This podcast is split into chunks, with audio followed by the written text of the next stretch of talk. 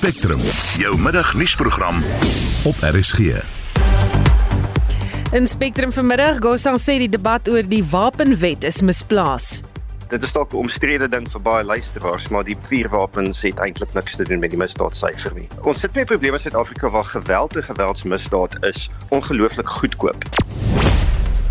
Twee ANC-lede wat voorheen weens korrupsie uit hulle poste verwyder is, kry leierskapsposisies en Today, all the services that are online, our call center employees will not be working, offices of SARS will be shut down. We are calling upon all our members to join this strike.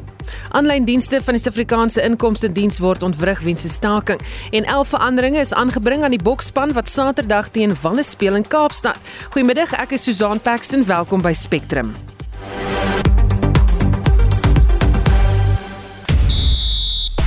'n Swaar nederlaag vir ons vroue Protea span op die cricketveld. Suid-Afrika is nog 'n stapie nader aan 'n Formule 1 wedren in 2023 en die stryd op die rugbyveld tussen Suid-Afrika en Wallis word vanaand in die onder 20 somerreeks in Italië voortgesit.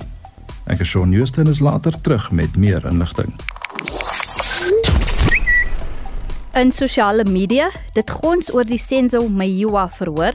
Advokaat Tefo het 'n brief wat beskuldigde nommer 3 geskryf het oor die onmenslike lewensomstandighede by die korrektiewe dienste na vore gebring.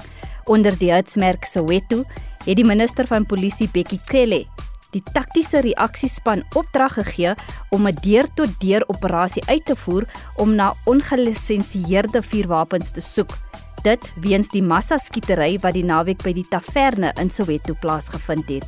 If all our units return as planned, we intend to then lift load shedding for the weekend to stage 2 around the clock. Unfortunately, due to the unlawful strike, we will take a number of weeks to fully recover from the strike. Nou soos jy gehoor het, die res van jou week gaan nog ontwrig word deur beurtkrag. Hoe benader jy die paar ure van donkerte nou dat ons vir so lank met hierdie probleem sit?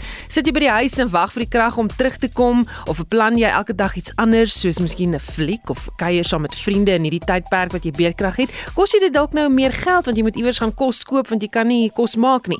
Stuur 'n SMS na 45889 teen R1.50 per boodskap. Praat saam op die Monitor en Spectrum Facebook bladsy of stuur 'n WhatsApp stemnota na 076 5366961.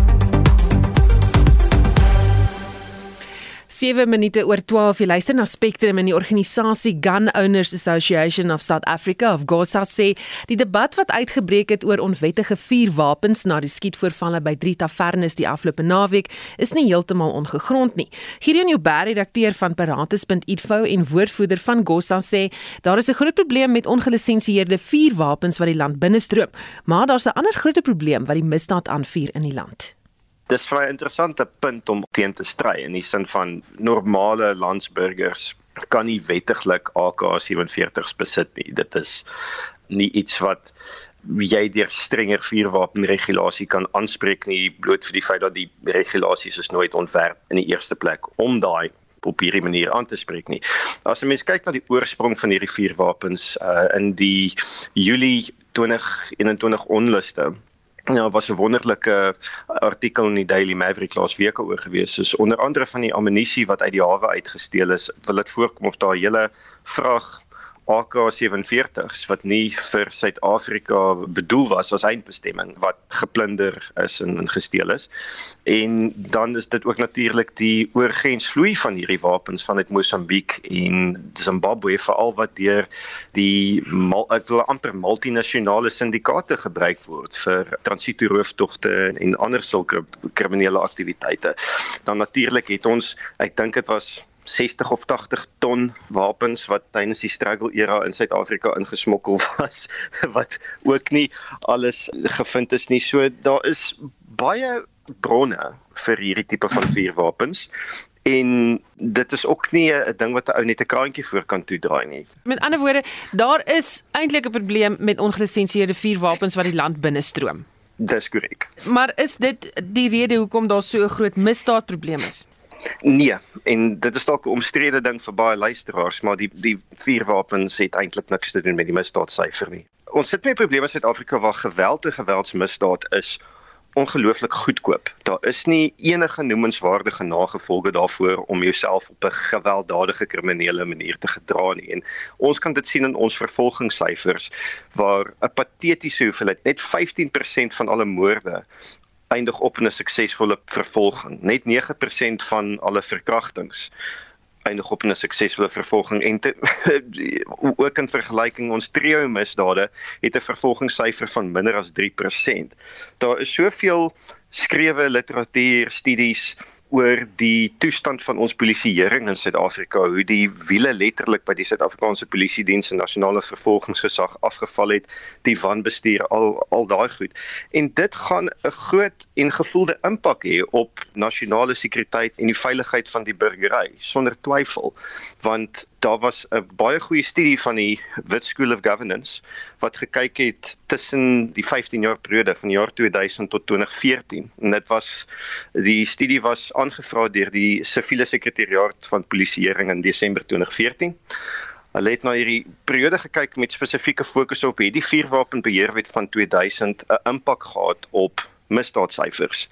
Die studie kon geen bewyse daarvoor kry nie. Inteendeel, die hulle het agtergekom dat selfs net so 5% van alle misdaad is relevant tot die vuurwapenbeheerwet en dat wat 'n baie groter impak het op geweldsmisdaad is hoe sterk polisieering is in 'n gegeewe jaar. En daar waar daar goeie sterk polisieering met baie operasies was, het dit 'n noemenswaardige impak gehad om geweldsmisdaad sterk af te bring en waar daai gebrekkig was of nie teenwoordig nie was daar weer 'n teenoorgestelde tendens in misdaad het gestyg.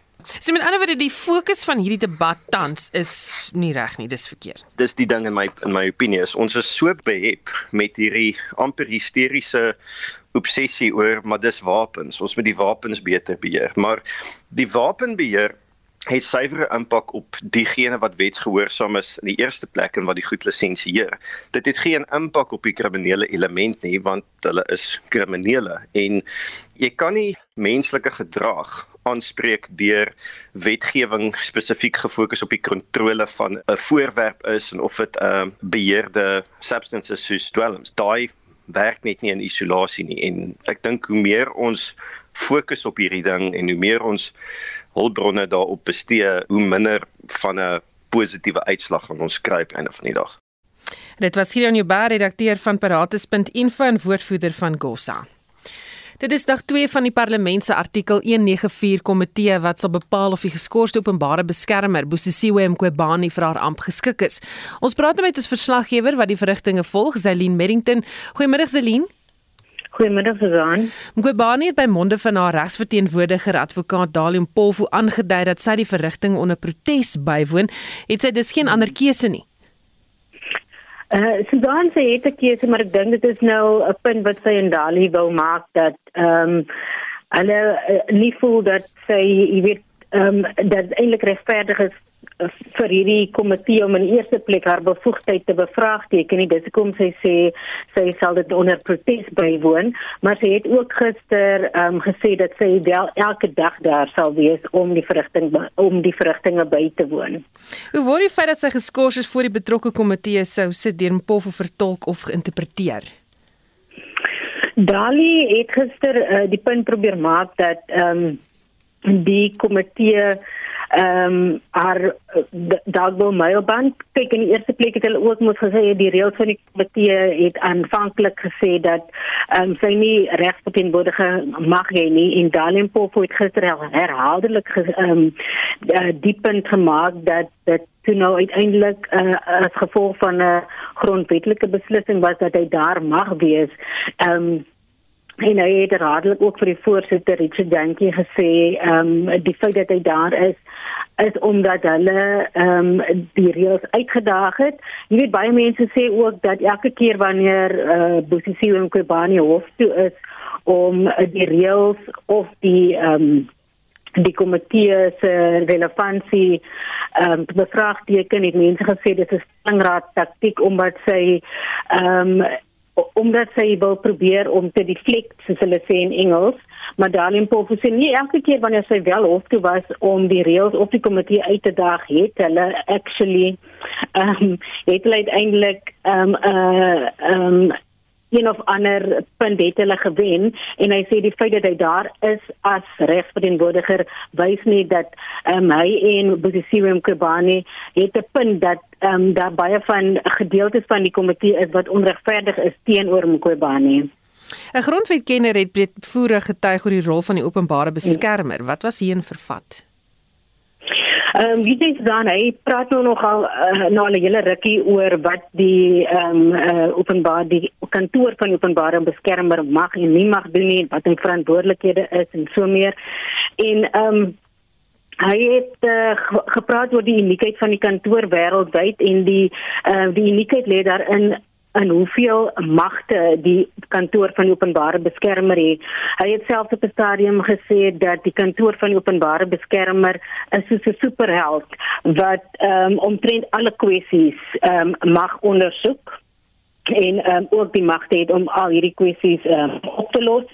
En um, hy het ook gesê dat die enigste, jy weet die um, waar die kom om die um, die OB nou nie magte het om te ondersoek nie is 'n uh, hofuitspraak um, en ook 'n saak wat meer as 2 jaar oud is behalwe as daar nou baie goeie redes is en dan moet sy ook aanvoer of die kantoor moet aanvoer hoekom aanvoer hoekom ehm um, 2 jaar later ehm um, die spesifieke ondersoek hervat kan word. Maar hy sê die openbare beskermer se kantoor het verrykende magte en ehm um, dat daar omtrent niks is wat hierdie kantoor nie kan ondersoek nie daar's niemand ehm um, weet 'n individu of 'n uh, kantoor van ehm um, die uh, regering wat die openbare beskermer se kantoor nie kan ondersoek nie. Ehm um, so dit is 'n ontsettende ehm um, 'n uh, kantoor met ontsettende magte aan die einde van die dag en ek dink dit is iets wat uh miskien baie Suid-Afrikaners nie van bewus is oor presies hoe magtig die kantoor van openbare beskermer is nie. En uh die kenner praat nou van vanoggend 10:00 af, so daar's baie om te sê oor die kantoor en ons gaan wanneer hulle hulle nou 'n teebreek geneem en dan gaan ons nou aanhoor ehm um, wanneer mag die uh die hoof van die uh, openbare beskermer se kantoor verwyder word en wat die proses moet wees. Baie dankie dit was ons verslaggewer Zelin Merrington wat vanaf die parlement verslag doen. Die ANC in Gauteng het uiteindelik sy konferensie afgesluit en nuwe leiers verkies. 'n Nuwe provinsiale uitvoerende komitee wat uit 35 lede bestaan, is verkies. Twee name staan hier uit: Kusela Diko en Bandile Masuku. Hulle moes verlede jaar op sy staan weens korrupsie aanklagte wat verband gehou het met COVID-19 tenders. Ons praat nou met die dekaan van die departement Geesteswetenskappe by Akademia, professor Pieter Dievenage. Goeiemôre Pieter. Goeiemôre Susan. So hoe gaan sake nou werk in die provinsie? Die premier is nie meer leier van die party in Gauteng nie en die leiers van die ANC in Gauteng beklee 'n laer pos in die wetgewer. Ja, in een woord onhoudbaar, nê? Nee? Want uh, die premier van die provinsie het nou geen mag nie. Dit is nou meneer David Makura. En uh, die nuwe leier is nou ons ken hom baie goed, meneer Lesofie van die Jasie Lesofie en dit die onhoudbaarheid is net gewoon jy weet ehm um, Susan aan die een kant is hy 'n party wat die mag het nê? Nee? uh, hulle het nou verkiesing gehou meneer Lesofie is nou hoof van die party. Aan die ander kant is meneer Makura die premier van die provinsie. Nou wat nou? Dit gaan eenvoudig beteken dat die provinsie word nie behoorlik bestuur nie. Nou goed, hy was al reeds onder meneer Makura nie goed uh, bestuur nie, maar nou het hy twee sentrums van mag. En ons is in die jaar 2022 en die provinsiale verkiesing is eers oor 'n bietjie meer as 2 minder as 2 jaar in 2024. Totaal onhoudbaar. Dit jy moet mense met die ANC gaan vra hoe kan hulle op so 'n manier funksioneer? Jy weet dat die party het leiers en dan het hulle nou in die regering leiers. Uh dit is net 'n totaal en al wat sal die woord wees? Ek kan 'n sterker woord is onhoudbaar gebruik. Moet eerder nie familie radiostasie. Ehm um, sal daar onderliggende spanning wees wat dienslewering kan benadeel? Natuurlik, want uh, uh op sy beste is enige regering van die ANC 'n regering wat uh nie behoorlik diens lewer nie. En uh mens moet onthou dat die ANC is wesentlik 'n alliansie van syndikaate en weer eens stel ek dit baie diplomaties. So die fokus van hierdie syndikaate is nie om te regeer nie en nie om 'n provinsie te regeer nie, maar om te kyk ehm um, wat die persone wat van die syndikaate wat op daardie oomblik aan beheer is vir hulle self uit die saak kan kry. So 'n uh, dienslewering gaan daar waar uh ANC regerings is, maar altyd heel laaste kom op die agenda. Die verkiesing van Kusela Diko, voormalige woordvoerder van die president en Bandile Masuku, voormalige gesondheidsalier, hoe kontroversieel is dit? Dis baie kontroversieel want beide staan onder 'n wolk, nê? Nee? En die wolk is uh dat ehm um, in die geval van Dika, uh, haar voormalige man het 'n uh, uh baie voordeel uitgetrek uit kontrakte van COVID en dan natuurlik meneer Masuku, hy was die voormalige LER vir gesondheid. Nou dit is 'n portefeulje wat jy nie op jou CV wil hê nie, nie net vanweë ook COVID sake nie uh en en tenders rondom COVID nie maar ook uh, jy weet van die geval ander gevalle wat in daai gesondheidsdepartement van Gauteng plaasgevind het. Maar die leier van die ANC se uh, Gauteng ehm um, party nou, meneer Lesofies is self onder 'n wolk oor COVID tenders uh ehm um, toe hy nou LER was van onderwys en hy's nog steeds LER van onderwys. So as jy my vra Susan, ehm um, daar's nou 35 lede gekies van hierdie uitvoerende komitee van die uh, ANC in Gauteng. Ek ek wil hoop daar is ook goeie mense onder hierdie 35 lede, maar daar is 'n hele klomp uh, lede van die ANC wat onder 'n donker wolk op hierdie uitvoerende komitee van die ANC dien. Dit wil voorkom of hy op sy staan reël so bietjie taan. Eerstens weens hierdie verkiesing van die twee en dan die berigte uit KwaZulu-Natal dat ANC-lede daar 'n veldtog voer om Zandile Gumede, die voormalige burgemeester van eThekwini, weer verkies te kry as leier van hierdie provinsie, dit ten spyte van die 2000 klagtes teen haar. Ja, inderdaad. Ek dink hierdie op sy staan reël is soos jy dit mooi beskryf aan die taan. Dit beteken eh, dit wil vir my voorkom of die sogenaamde RET faksie in die ANC besig is om terug uh, met 'n terugvegpoging te kom. En uh, dit is veral in KwaZulu-Natal uh, sigbaar rondom iemand soos Zandile Komedi wat ons weet sy 2000 klagtes teen haar gehad as burgemeester van Durban en nou is hy blykbaar in die uh, resies om een van die leiers in KwaZulu-Natal te word. En jy weet die interessante is dit gebeur alles teen die agtergrond van die Zondo kommissie waaroor ek ook nou al baie kommentaar gelewer het. En mense het so gehoop dat die Zondo kommissie uh, ten minste nou vir ons 'n morele baken daar gaan stel, maar dit lyk my die interne werking van die ANC is van so 'n aard dat hierdie kommissie nie saak maak uh vir baie leiers in die ANC nie. So ek wil sê oor hierdie saak is dit eintlik een tree vorentoe met die Zondo kommissie, maar twee tree terug wanneer dit kom by die verkiesing van leiers uh wat duidelik uh van korrupsie aanklagte teen hulle uh jy weet uh moet verantwoordelikheid doen dat hierdie leiers eenvoudig net weer terugkom en staan vir leierskapsposisies. Nou terug na Gauteng, wat is op die spel hier vir die party met die komende verkiesing?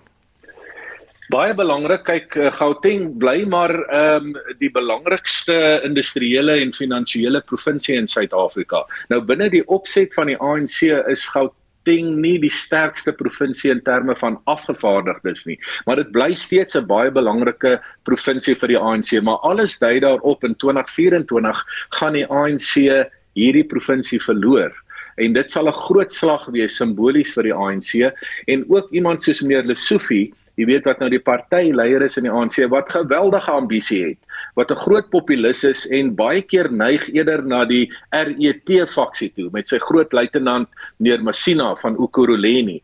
Maar ehm um, alles dui daarop dat die ANC kan nou geraas maak en meneer Lesofie kan nou spiere bult as leier van die ANC in Gauteng, maar die kans dat die ANC in beheer van Gauteng gaan wees na 2024 lyk in hierdie stadium skraal. Baie dankie. Dit was die dekaan van die departement Geesteswetenskappe by Akademia, professor Pieter Dievenage. Die minister van Sport, Kuns en Kultuur, Natie Mtetwa, gaan glo binnekort 'n nuwe nasionale filharmoniese orkes bekendstel. Die projek kos 'n geraamde 30 miljoen rand.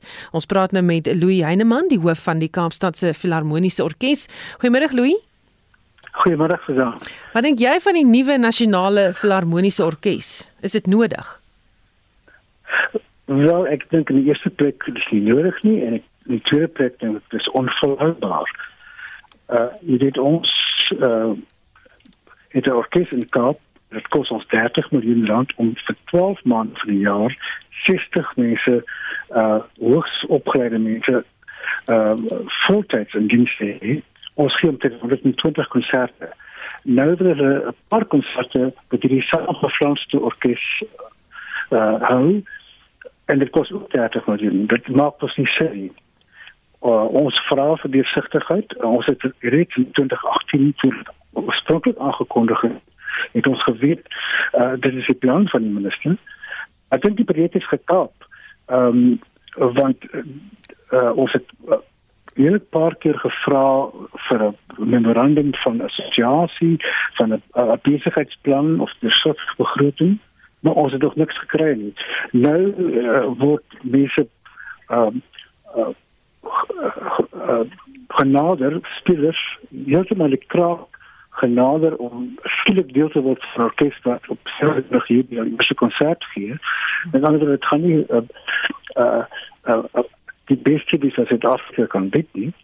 En uh dat ook 'n en en wat verneem in in van in uh, Desember Eh, maar dit is projekte. Hulle kan nie 30 miljoen rand kry vir projekte en die res van die ander die ander orkeste met geen befondsing van die nasionale regering.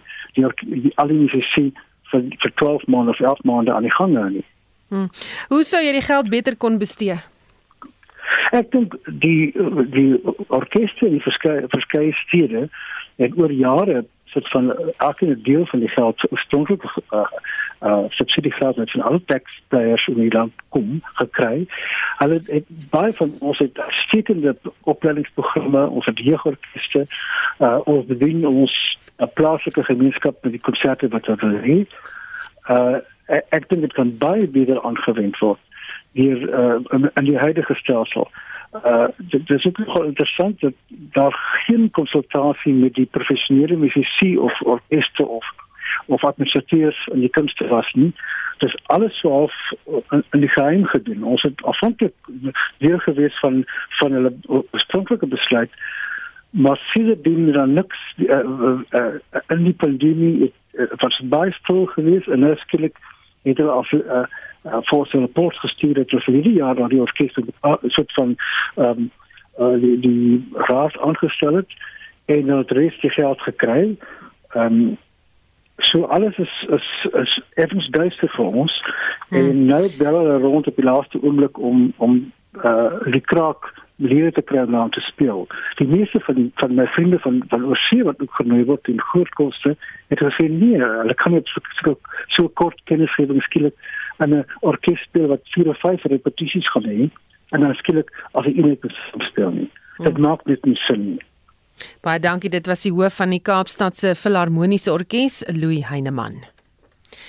Die Public Servants Association of PSA sê die Suid-Afrikaanse Inkomste Diens moet 'n beter salaris aanbod aan sy lede maak of sy staking gaan voort. PSA nou het hersiende loonaanbod van die Inkomste Diens verwerp en sê 'n 1,3% salarisverhogingsaanbod is nie genoeg nie. Claude Naiker van die PSA sê die werkers het geen ander keuse as om te staak nie. At those identified spots, we will be picketing and then we will continue to intensify our efforts at the border posts as well. And during the latter part of the week, we'll be considering March in various major centers itself. More of the services will dis- uh, be disrupted because those employees that are at home that we canvass have indicated that they will be putting tools down itself. So services will be affected We sympathize with the public. We understand that it's peak season for them. Unfortunately, we have no alternative but to go on strike action to try and force the employers hand. En dit was Claude Naiker van die PSA. Die staking sal ook aanlyn dienste van die inkomste diens beïnvloed. Jy luister na Spectrum. Elke weekmiddag tussen 12 en 1. Die eerste foto's van oeroue sterrestelsels word deur NASA bekend gestel. What you see here is thousands of galaxies all the way almost to the edge of the uh, universe. En daar is nie te veel olifante in die wildtuin nie, so sê Sanparke. Bly ingeskakel.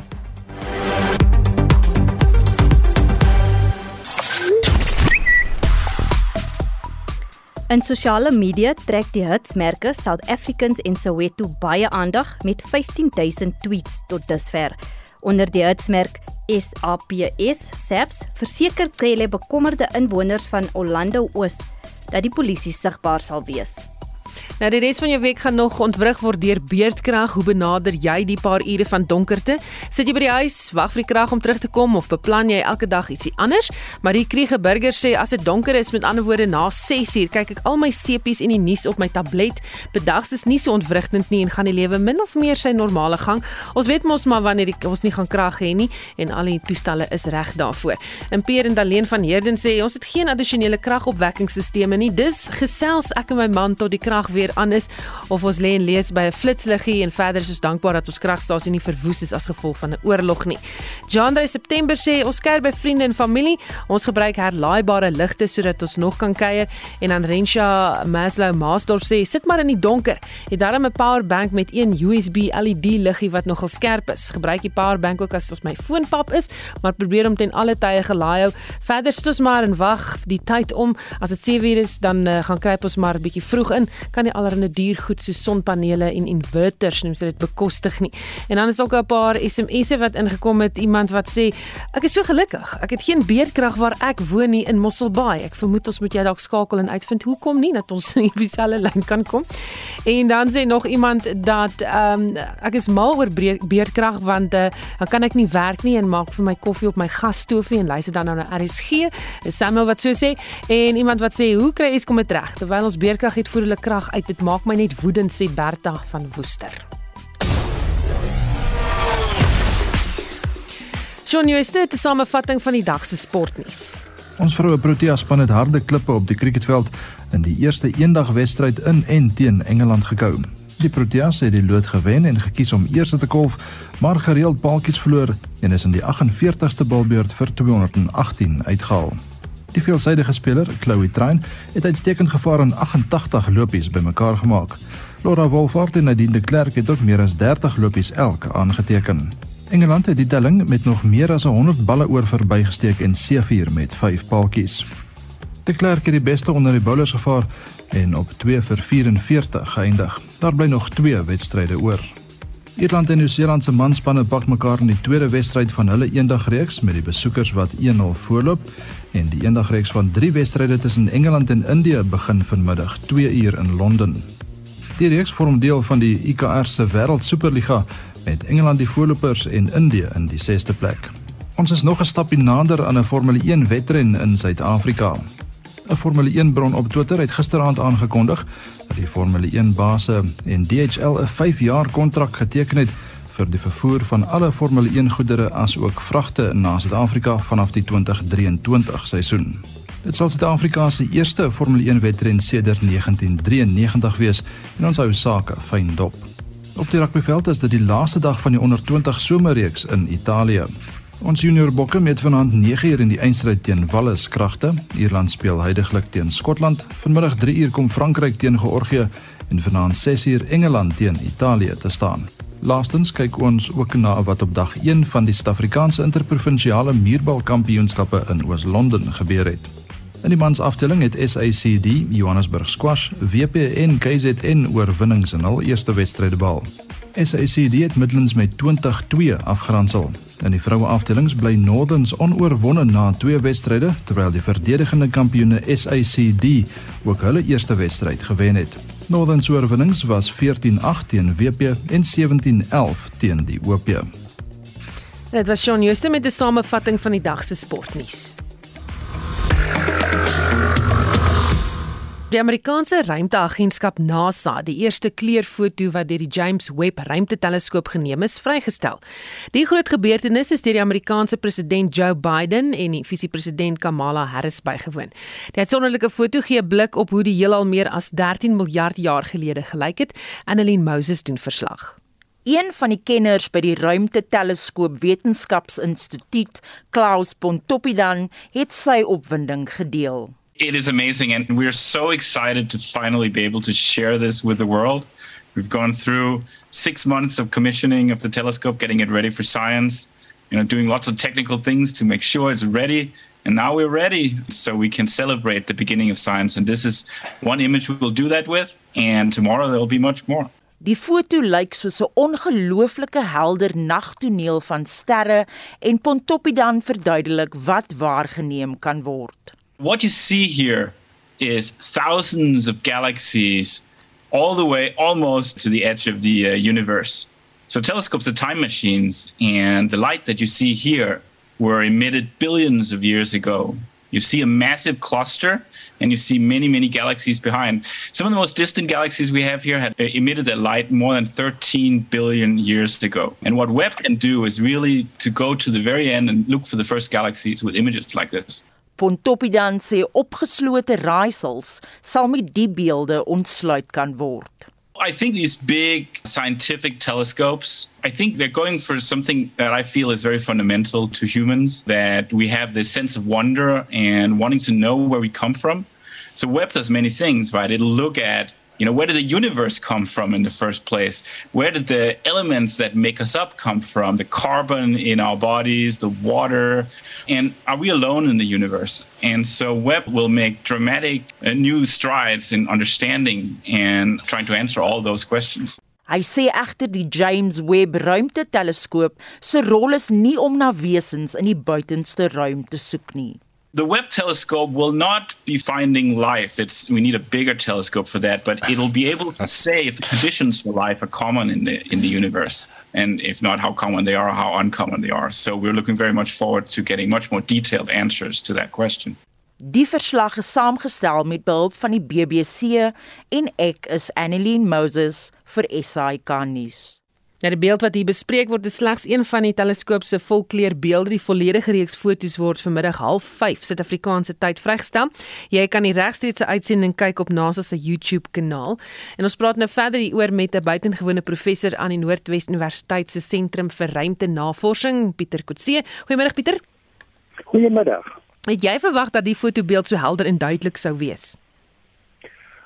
Dit was ongetwyfeld vir my 'n groot verrassing gesien wees om dit te sien want dit is tog nooit voorheen op so gedetailleerde basis waargeneem met die vorige ruimteteleskope soos byvoorbeeld Hubble en Spitzer en so.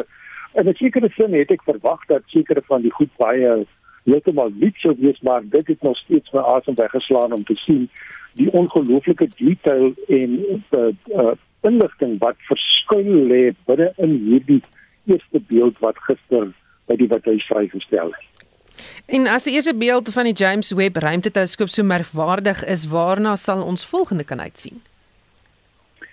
Wel, die die die, die, die daar is ongetwyfeld geen limiet op hierdie stadium wat James Webb eintlik kan bereik nie. So dit is 'n kwessie van wag en sien want kyk al hierdie goed is nou nog maar net 'n beeld.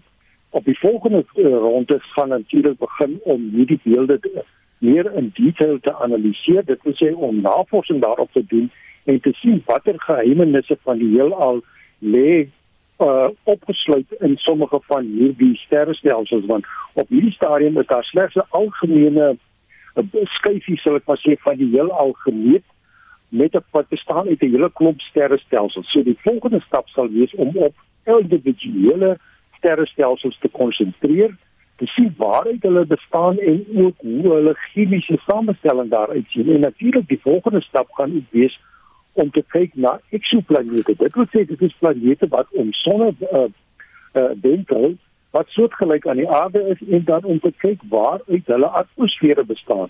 Want dit is belangrik om te weet is daar heel waarskynlik iets op 'n planeet soortgelyk aan die aarde iewers in die heelal of waaruit bestaan hierdie atmosfere want dit gaan dan dui op 'n biologiese prosesse wat op hierdie planeet plaasvind. So dit is ongelooflike uh hoeveelheid navorsing wat vir ons opgesluit lê en ek verwag dat ons wil wat nuwe inligting gaan inwin wat miskien vir ons 'n totale nuwe perspektief gaan gee op die nie net wender die ontstaan van die heelal maar ook hoe die heelal ontwikkel het en hoe sonne, planete en dis meer in die proses daar gestel is en ontwikkel het. Hm, so baie wetenskaplike waarde hierdie fotos.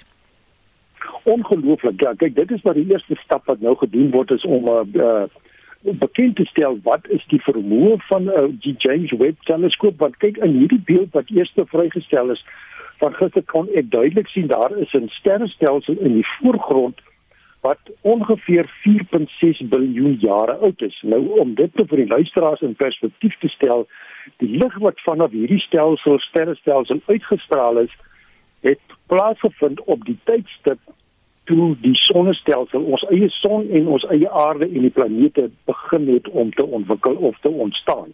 So dit is nou die heel eerste keer dat ons nou lig sien vanaf hierdie sterrestelsel op die oomblik toe die aarde basies begin het met sy ontwikkelingsproses en begin ontwikkel het en die son self ook ontwikkel het. So dit is 'n relatief vroeë uh ontwikkeling in die heelal, maar wat verder terug lê is natuurlik om te kyk wat hoe oud hierdie sterre is van ongeveer so so kort as moontlik na die ontstaan van die heelal.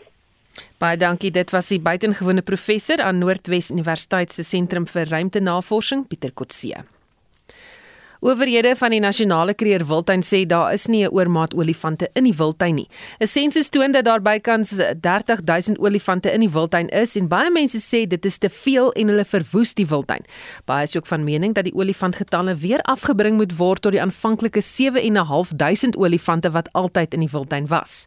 Beide die hoof van natuurbewaring in die wildtuin, Dani Pinaar en die groot soogdier-ekoloog Dr Sam Ferreira sê die bestuur van die hulpbronne in die wildtuin het drasties verander sedert die die aanvanklike proklamasie van die wildtuin en hulle het geen planne om die olifantgetalle te verminder nie. Daar kan jy antwoord. ja, die die die die Adi sê nee sê nee nee nee. Wat praat jy?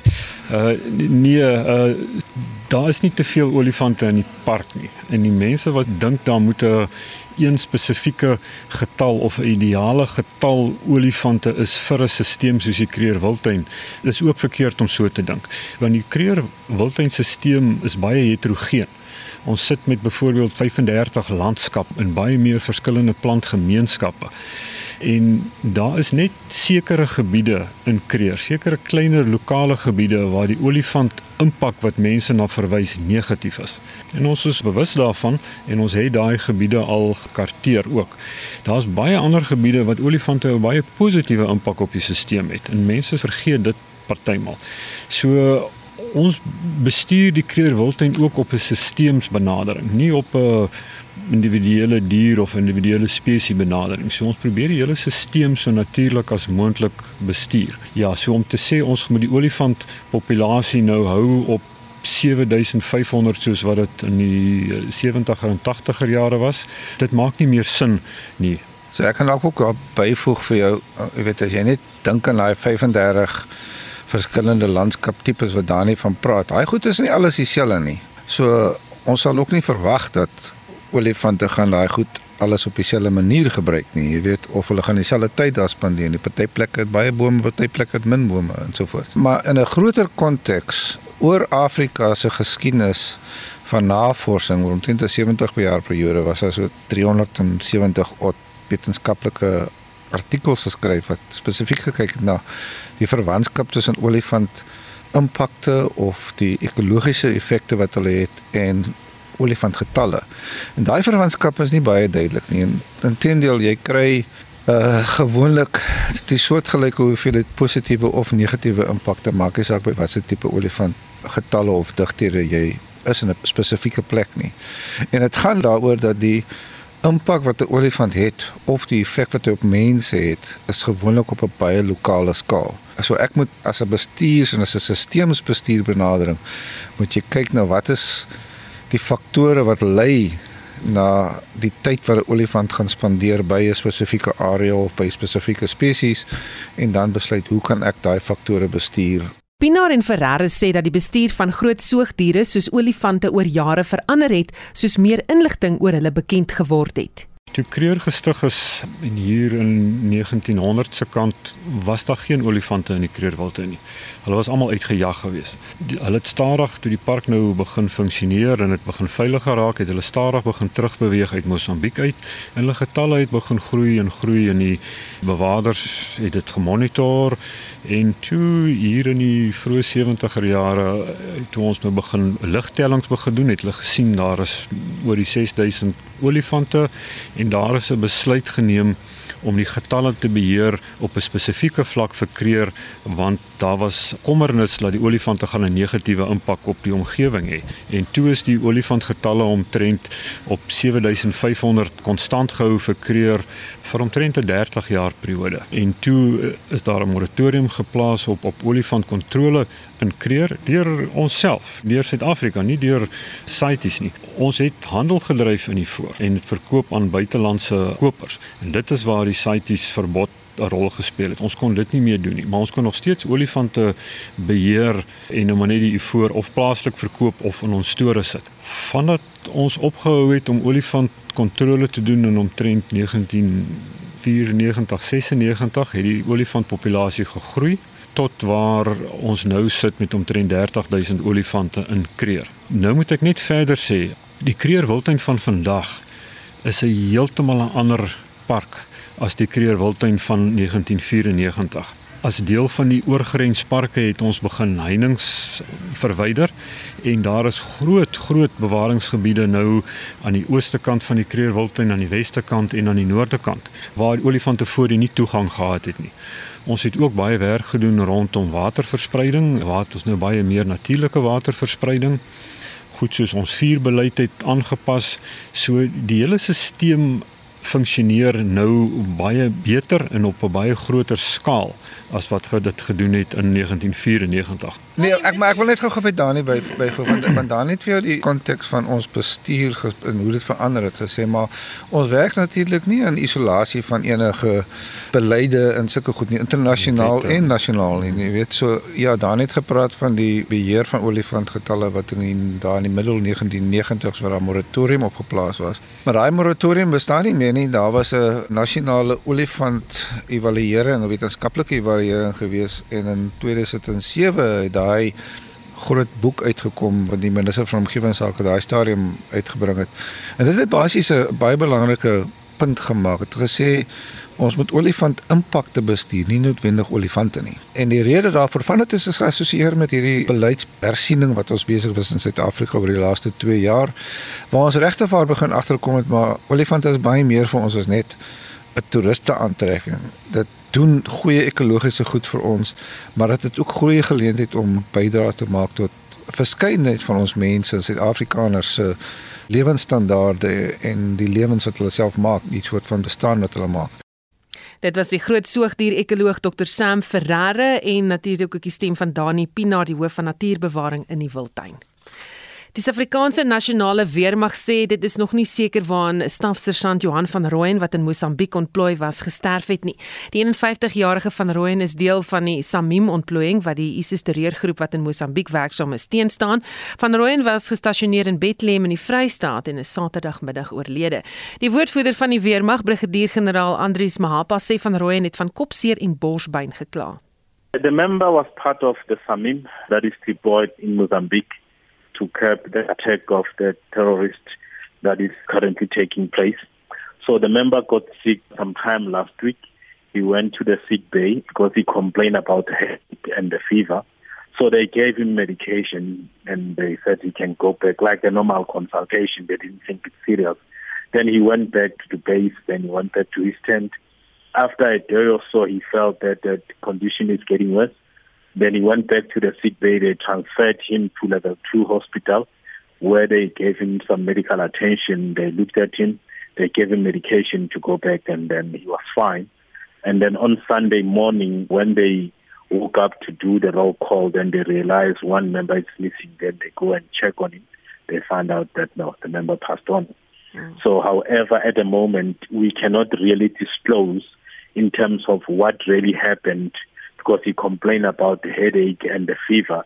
So the doctors are busy with postmortem and will inform the family accordingly. before we can release the cause of death because I'm not privy to that information at the moment because the doctor has to certify the cause of death for that particular member. However, the Minister of Defense and the whole Military Command Council, they feel the pain, they share the pain of the family and the South African. Also lost one of our own, so we are saddened by his death. Dit was die woordvoerder van die weermag, brigadier-generaal Andries Mahapa. Vir die jongste sake nuus sluit Renier van Sail naby ons aan. Hy is portefeuljebestuurder by Efficient Private Clients. Goeiemôre Renier. Goeiemôre en uh, so kan almal wat inluister. As ons wegspring met die plaaslike mark, sien ons dat die alle aandele indeks verhandel in die rooi. Hy slaar met so 0.6% en hy volg saaklik die Asiëse markte laer van vanoggend. Ons het vroeër vanoggend gehoor dat Macau, wat 'n groot toeriste bestemming is vir die dobbelindustrie, daar is weer 'n uitbreek van COVID-19 gevalle. En dan as ons kyk natuurlik wat uh, in die markte gebeur, ons mark word laer gedryf deur ons hulpbronne wat laer is met 1.3% en ons banke is sterker met 0.3% vir die dag. Die grootste wenners vir die dag is Italtaal, hy's op met 3.3% en Absa is op met so 1.2%. Aan die ander kant van die muntstuk is uh Northern Platinum laer met uh, 4.1% en uh, as ons dan kyk na wat die rand gedoen het van vanoggend se vlakke, het hy verder verswak. Hy staan teen 17.10 teen die dollar 2025 teen die pond en dan 1713 teen die euro.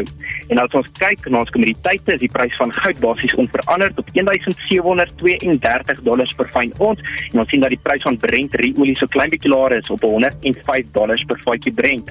Nou die Amerikaanse markte het gisteraand in die rooi gesluit.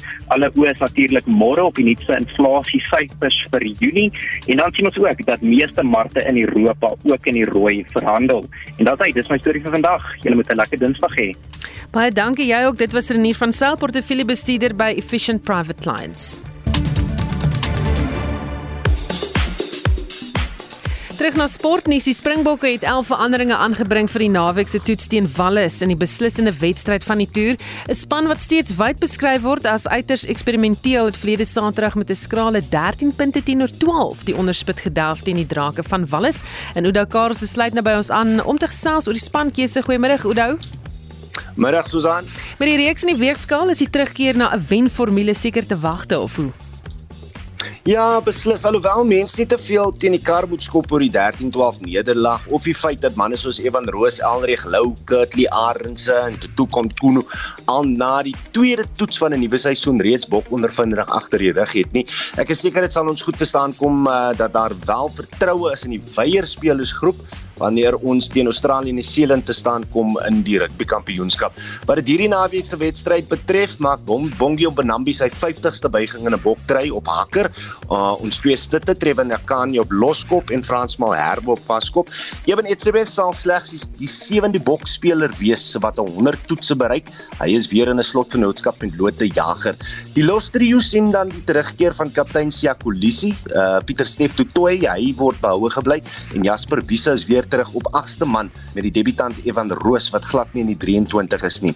Jaden Hendrikse, hy kry nog 'n kans om op skrinks skrimskakel te wys daar is wel diepte in ons talent in hy posisie. Uh, hy speel weer eens langs verlede week se kaptein Andre Pollard. Die senterpaar is Damian de Allende en Lucanio Am. Hulle sal die Wallis se drake in die middelveld moet stuit. Uh, Zolima Pimpic is in Kobe weer terug op hul vleuelposisies terwyl daad gevoeg word by gesprekke en woorde dat dit die Damian Willem se era is. Hy is weer eens op heel agter in die 15 taal. Die Reservebank het ook meer 'n gevestigde kombinasie, ses voorspelers, uh, twee agterlynspelers, Malcolm Marx, Steven Kitchoff en Vincent Koch, die plaasvervanger voorhy, Franco Mostert, Kwagga Smith en Alrich Lou, die ander uh, pakspelers wat op die bank is. Faf de Klerk, hy kom van die bank af en die man wat uh, so beïndruk het in die eerste toetstou opgekom het, Walile Roo, is die ander agterlynspeler op die reservebank. Dis dan nou die 23 reeds staan vir Saterdag se derde toets, uh, die beslissende toets. Breier Jacques Ninaber het in sy media-konferensie gesê dat hy 'n baie eerlike gesprek gehad met die span en wat die verwagting is vir Saterdag se plofbare kragmeting. So as jy die dokumentêre program Chasing the Sun gesien het, sal jy presies weet wat die laaste 3 woorde was wat rugby direkteur Rassie Erasmus sou gebruik het om sy bokgroep aan te moedig. Saterdag se wedstryd in die Kaap weer net na 5:00 die aand reg om af te skop. Ja nee, as ons daai uh, dokumentêr gekyk het, mag ons ook nie daai woorde sê nie, Oudo, familie radio. Dankie Oudo Karlse met die vars boknuus.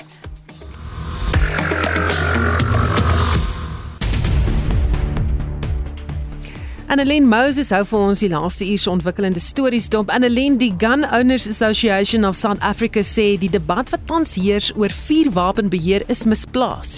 Ja, dit kom na die onlangse massamoord by 'n taverne in Soweto en nog dodelike aanvalle by tavernes onderskeidelik in Katlehong en Pietermaritzburg.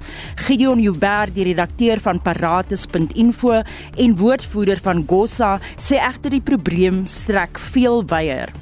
Daar is soveel skrewe literatuur, studies oor die toestand van ons polisieering in Suid-Afrika, hoe die wiele letterlik by die Suid-Afrikaanse Polisie Diens en Nasionale Vervolgingsgesag afgeval het, die wanbestuur, al daai goed. En dit gaan 'n groot en gevoelde impak hê op nasionale sekuriteit en die veiligheid van die burgery, sonder twyfel. Tydens die ANC in Gauteng se konferensie is Kusela Diko, wat president Cyril Ramaphosa se eertydse woordvoerder was, en Bandile Masuku tot die nuwe provinsiale uitvoerende komitee verkies. Diko en Masuka moes verlede jaar op sy staan weens aanklagte wat verband hou met COVID-19 tenders. Die dekaan van die departement Geesteswetenskappe by Akademia, professor Pieter Dievenage, het so gereageer. Dis baie kontroversieel want beide staan onder 'n wolk, nê? Nee? En die wolk is dat in die geval van Dika, eh, haar voormalige man, het baie voordeel uitgetrek uit kontrakte van COVID en dan natuurlik meneer Masuku, hy was die voormalige LER vir gesondheid. Nou dit is 'n portefeulje wat jy nie op jou CV wil hê nie. Intussen het dit aan die lig gekom dat die minister van Sport, Kuns en Kultuur, Natim Tetwa, binnekort 'n nuwe nasionale filharmoniese orkes gaan bekendstel. Die koste van die projek word op 30 miljoen rand beraam. Die hoof van Kaapstad se filharmoniese orkes, Louis Heineman, het sy verbasing uitgespreek.